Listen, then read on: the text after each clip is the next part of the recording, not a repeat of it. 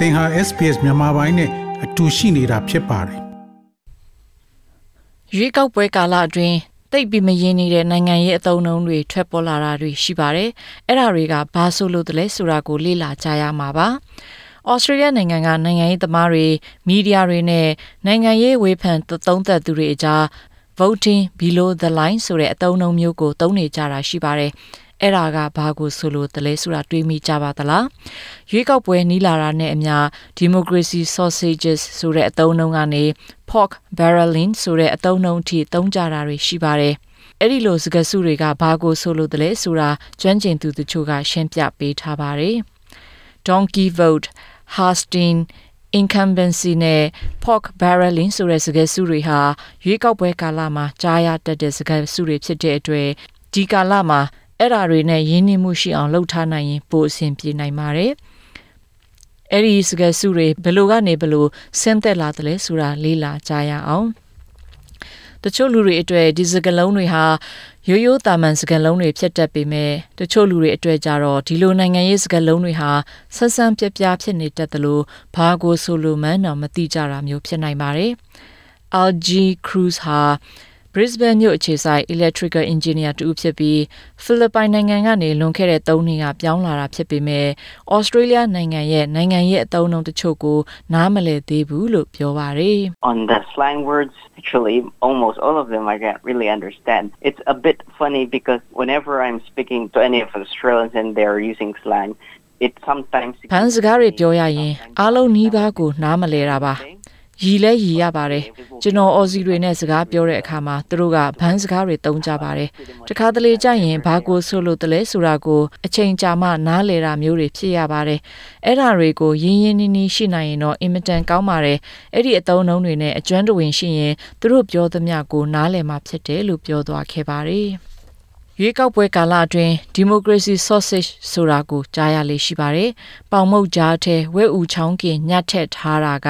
sausage sandwich ဒါမှမဟုတ် sausage sizzler ဖြစ်ပါတယ်။ဝဲဥချောင်းကင်နဲ့ပေါင်မုတ်ကိုရွေးကောက်ပွဲနေ့မှာအခမဲ့ကျွေးတာမျိုးဒါမှမဟုတ်ရန်ပုံငွေရှာတဲ့အနေနဲ့ရောင်းစားတာမျိုးလုပ်ကြတဲ့အတွက်ဖြစ်ပါတယ်။ အဲ့ဒီစကားလုံးက2012ခုနှစ်နောက်ပိုင်းမှာခေတ်စားလာတဲ့စကားလုံးဖြစ်တယ်လို့ Latrobe တက္ကသိုလ်ကအငင်းစားပါမောက္ခလည်းဖြစ်စာရေးဆရာမလည်းဖြစ်သူ Judith Brett ကပြောပါတယ် A group of young people on social media used the term democracy sausage to talk about where it was possible social media ပေါ်မှာလူငယ်တစ်ဖွဲ့ကရွေးကောက်ပွဲနေကြရင်ဝဲဥချောင်းကင်နဲ့ပေါင်မုံညရနိုင်မလားလို့အချင်းချင်းမေးမြန်းကြတဲ့အခါမှာ democracy sausage ဆိုတဲ့အသုံးအနှုန်းကိုသုံးနှုန်းခဲ့ကြရကနေလူသုံးများလာတာဖြစ်တယ်လို့ရှင်းပြပါတယ် donkey vote ဆိုတာ ပယ်မဲတော့မဟုတ်ပေမဲ့ဘသူကိုမဲပေးရမလဲဆိုတာကိုသေချာမစင်စားပဲဝုကြေတန်းကြေသာမဲပေးကြတာကိုဆိုလိုခြင်းဖြစ်ပါတယ် But a donkey vote is a valid vote but we think of donkeys as dumb creatures so the idea is that someone going into a polling station going into the booth and thinking I don't know what's going on donkey vote ဆိုတာပယ်မဲမဟုတ်ပဲရေးတွက်လို့ရတဲ့မဲဖြစ်ပါတယ်ဒါပေမဲ့ donkey ဆိုတာမြင်းနဲ့ဆင်တူတဲ့မြဲတတ်တော်ဖြစ်ပြီးနှုံအတဲ့ တတ်တော်ဖြစ်ပါတယ်အဲ့ဒီတော့တယောက်ယောက်ကမဲယုံကိုသွားပြီးမဲထဲတဲ့အခါမှာနိုင်ငံရေးလောကမှာဘာတွေဘာတွေဖြစ်နေတယ်လဲဆိုတာငါစိတ်ဝင်စားပါဘူးကွာရွေးစရာရှိတာကိုအလွယ်ကူဆုံးအမြန်ဆုံးနီးနဲ့ပဲလုပ်ပြီးဒီကနေထွက်သွားလိုက်တော့မယ်လို့စိတ်ကူးတာမျိုးဖြစ်ပါတယ်နိုင်ငံရေးသုံးသပ်သူနဲ့ Griffith တက္ကသိုလ်ကတွဲဘက်ပါမောက္ခဖြစ်သူ Paul Williams ကတော့အလွယ်ကူဆုံးနဲ့အမြန်ဆုံးနီးလို့ပြောတဲ့အခါမှာလူတွေက သူတို့ဘယ်ကိုစလဲကိုအကြိုက်ဆုံးလဲအဲ့ဒီလူကိုနံပါတ်1ပေးမယ်ဆိုတာမျိုးမစင်စားတော့ပဲတွေ့တဲ့မြကိုစလဲတွေရဲ့နာမည်ကိုအစဉ်လိုက်တာနံပါတ်တက်ပေးကြတာမျိုးဖြစ်ပါတယ်။အပေါ်ဆုံးမှာတွေ့ရတဲ့နာမည်ကိုတေးလို့ရေးပြီးအောက်ဆုံးမှာတွေ့တဲ့နာမည်ကိုနောက်ဆုံးနံပါတ်တက်ပေးလိုက်တာမျိုးဖြစ်ပြီးရှေရှေဝေးဝေးစဉ်းစားမှုမလုပ်တဲ့မဲမျိုးကို donkey vote လို့ဆိုလိုတာဖြစ်ပါတယ်။ Hung Parliament hung parliament ဆိုတဲ့စကားစုကတော့ရွေးကောက်ပွဲမှာဘယ်ပါတီကမှမဲအပြတ်အသတ်အနိုင်မရတဲ့အတွက်အစိုးရမဖွဲ့နိုင်တဲ့အခြေအနေကိုဆိုလိုတာဖြစ်ပါတယ်။ပါတီကြီးတွေကမဲအပြတ်အသတ်အနိုင်မရလို့အစိုးရမဖွဲ့နိုင်တော့လို့လွှတ်တော်ကလည်းအုပ်စိုးနိုင်မှာမဟုတ်ပဲအစိုးရဖြစ်လာဖို့တခြားပါတီငယ်ရဲ့ထောက်ခံမှုဒါမှမဟုတ်တတိပုဂ္ဂလတွေရဲ့ထောက်ခံမှုကိုရရှိဖို့အပေးအယူလုပ်ပြီးအစိုးရဖွဲ့ခွင့်ရအောင်လှုံ့ဆော်ရတာမျိုးဖြစ်ပါတယ်။ နောက်တစ်ခုကတော့ဝန်ကြီးချုပ် Scott Morrison နဲ့အတိုက်ခံကောင်းဆောင် Anthony Albanese တို့နှစ်ဦး on the hosting ဖြစ်နေတဲ့ဆိုတဲ့စကားစုကိုလည်းမကြာခဏကြားရနိုင်ပါတယ်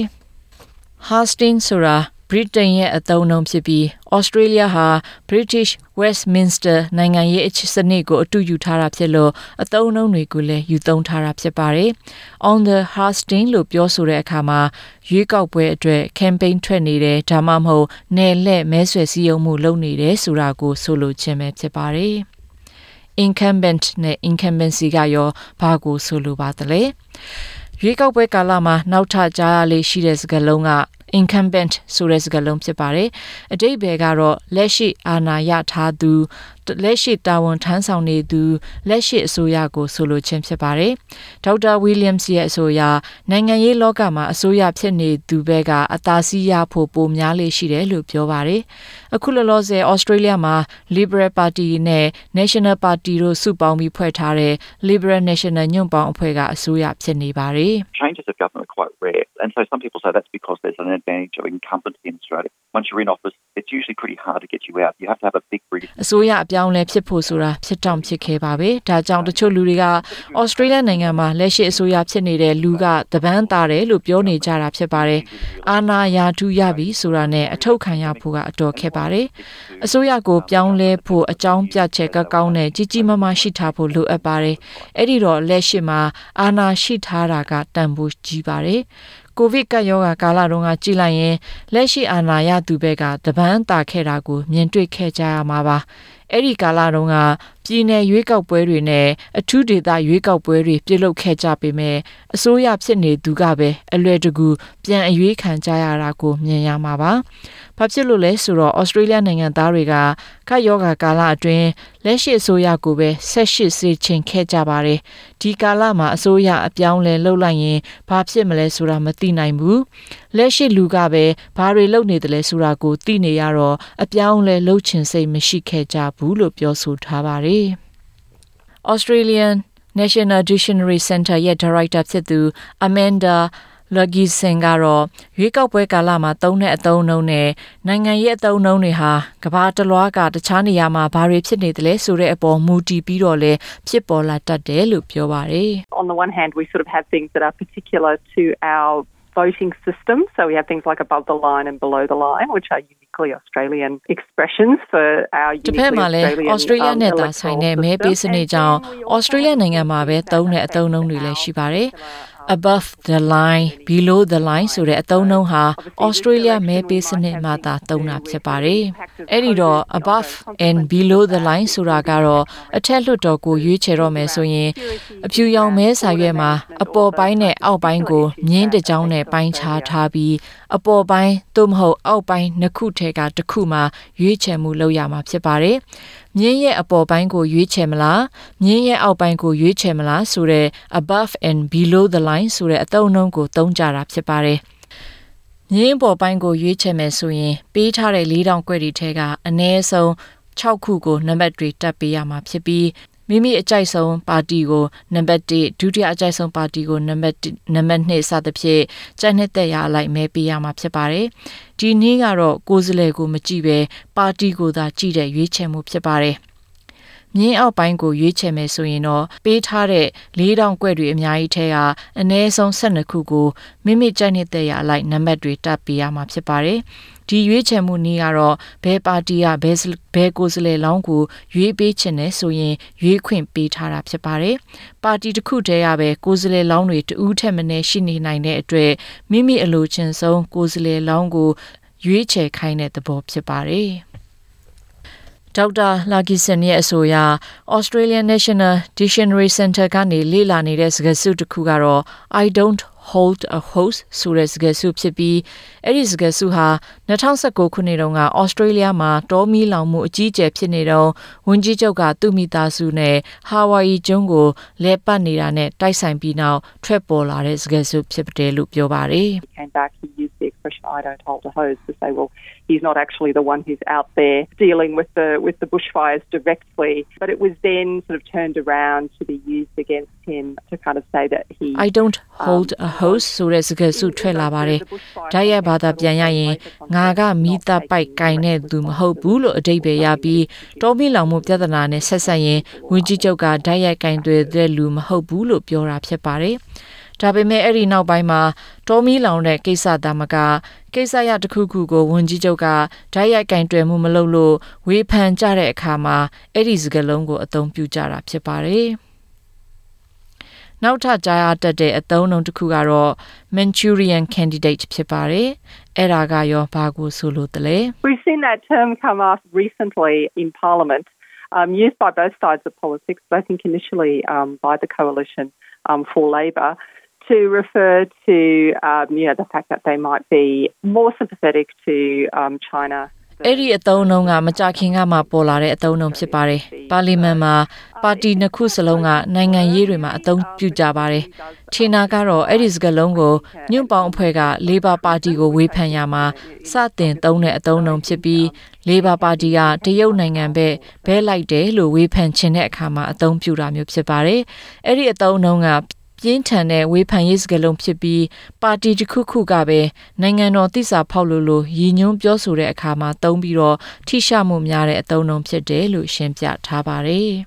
။နောက်တစ်ခါ pork barreling ဆိုတဲ့အသုံးအနှုန်းကိုလေ့လာကြရအောင်။ Macquarie အဗိဒံအရာအစိုးရကပြည်သူ့ဘဏ္ဍာကိုနိုင်ငံရေးထောက်ခံမှုရဖို့အတွက်ဒေသန္တရတစ်ခုကိုငွေကြေးပိုချမှတ်ပေးတာမျိုးကိုဆိုလိုတာလို့ဖော်ပြထားပါတယ်။ ဥပမာတရအနေနဲ့ပြောရမယ်ဆိုရင်နိုင်ငံရေးသမားတစ်ယောက်ကစစ်ဒနီကမဲဆန္ဒနယ်တစ်ခုကိုသွားပြီးသူ့ကိုမဲပေးလို့သူအနိုင်ရမယ်ဆိုရင်မဲပေးသူတွေရဲ့ရက်ွက်မှာလမ်းအသစ်တွေဖောက်ပေးမယ်လို့ပြောဆိုတာမျိုးဖြစ်ပါတယ်။အဲ့ဒီ pork barreling ဆိုတဲ့အသုံးအနှုန်းကအမေရိကန်မှာစတင်အသုံးပြုတာဖြစ်ပြီး16ရာစုတုန်းကလူချမ်းသာတွေကဝက်သားတွေကိုဝဝလင်းလင်းအဓိကအစားအစာအနေနဲ့စားသုံးကြရကနေဆင်းသက်လာတာဖြစ်ပါတယ်။ အတူချုပ်ပြောရမယ်ဆိုရင်တော့နိုင်ငံရေးသမားကိုကိုကမဲပေးမယ်ဆိုရင် သူကလည်းကိုကိုတခုခုပြန်လုပ်ပေးမယ်လို့ဆိုလိုခြင်းဖြစ်ပါတယ်။ဒီလိုနိုင်ငံရေးအသုံးအနှုန်းတွေဟာဒီနိုင်ငံမှာမွေးပြီးကြီးလာတဲ့လူတွေအဖို့ ဒီလိုဘန်းစကားတွေကိုတီးဖို့မခက်ခဲပေမဲ့ပြည်ပကနေမကြခင်ကမှရောက်လာတဲ့လူတွေအဖို့ကတော့လေးလာစိတ်ပြင်းပြရင်တောင်မှဩစတြေးလျနိုင်ငံရဲ့နိုင်ငံရေးကိုလေးလာဖို့အခက်အခဲတွေရှိနေသေးတယ်လို့ Algini Cruz ကပြောပါတယ် If you're going to tell me that would it benefit Australian politics, I'd say no.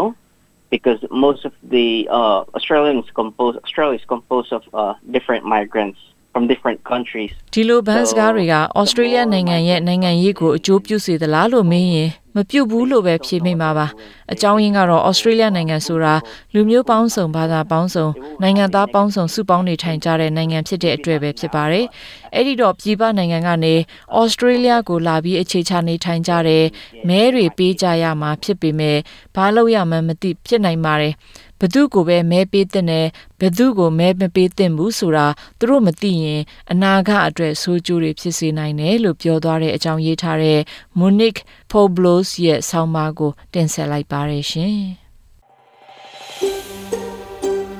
ဒါမျိုးသတင်းဆောင်မတွေကိုပိုနားဆင်လိုပါလား Apple Podcast Google Podcast Spotify တို့မှာသင်ပင်ရာဖြစ်ဖြစ်ရယူတဲ့ podcast ကနေပါ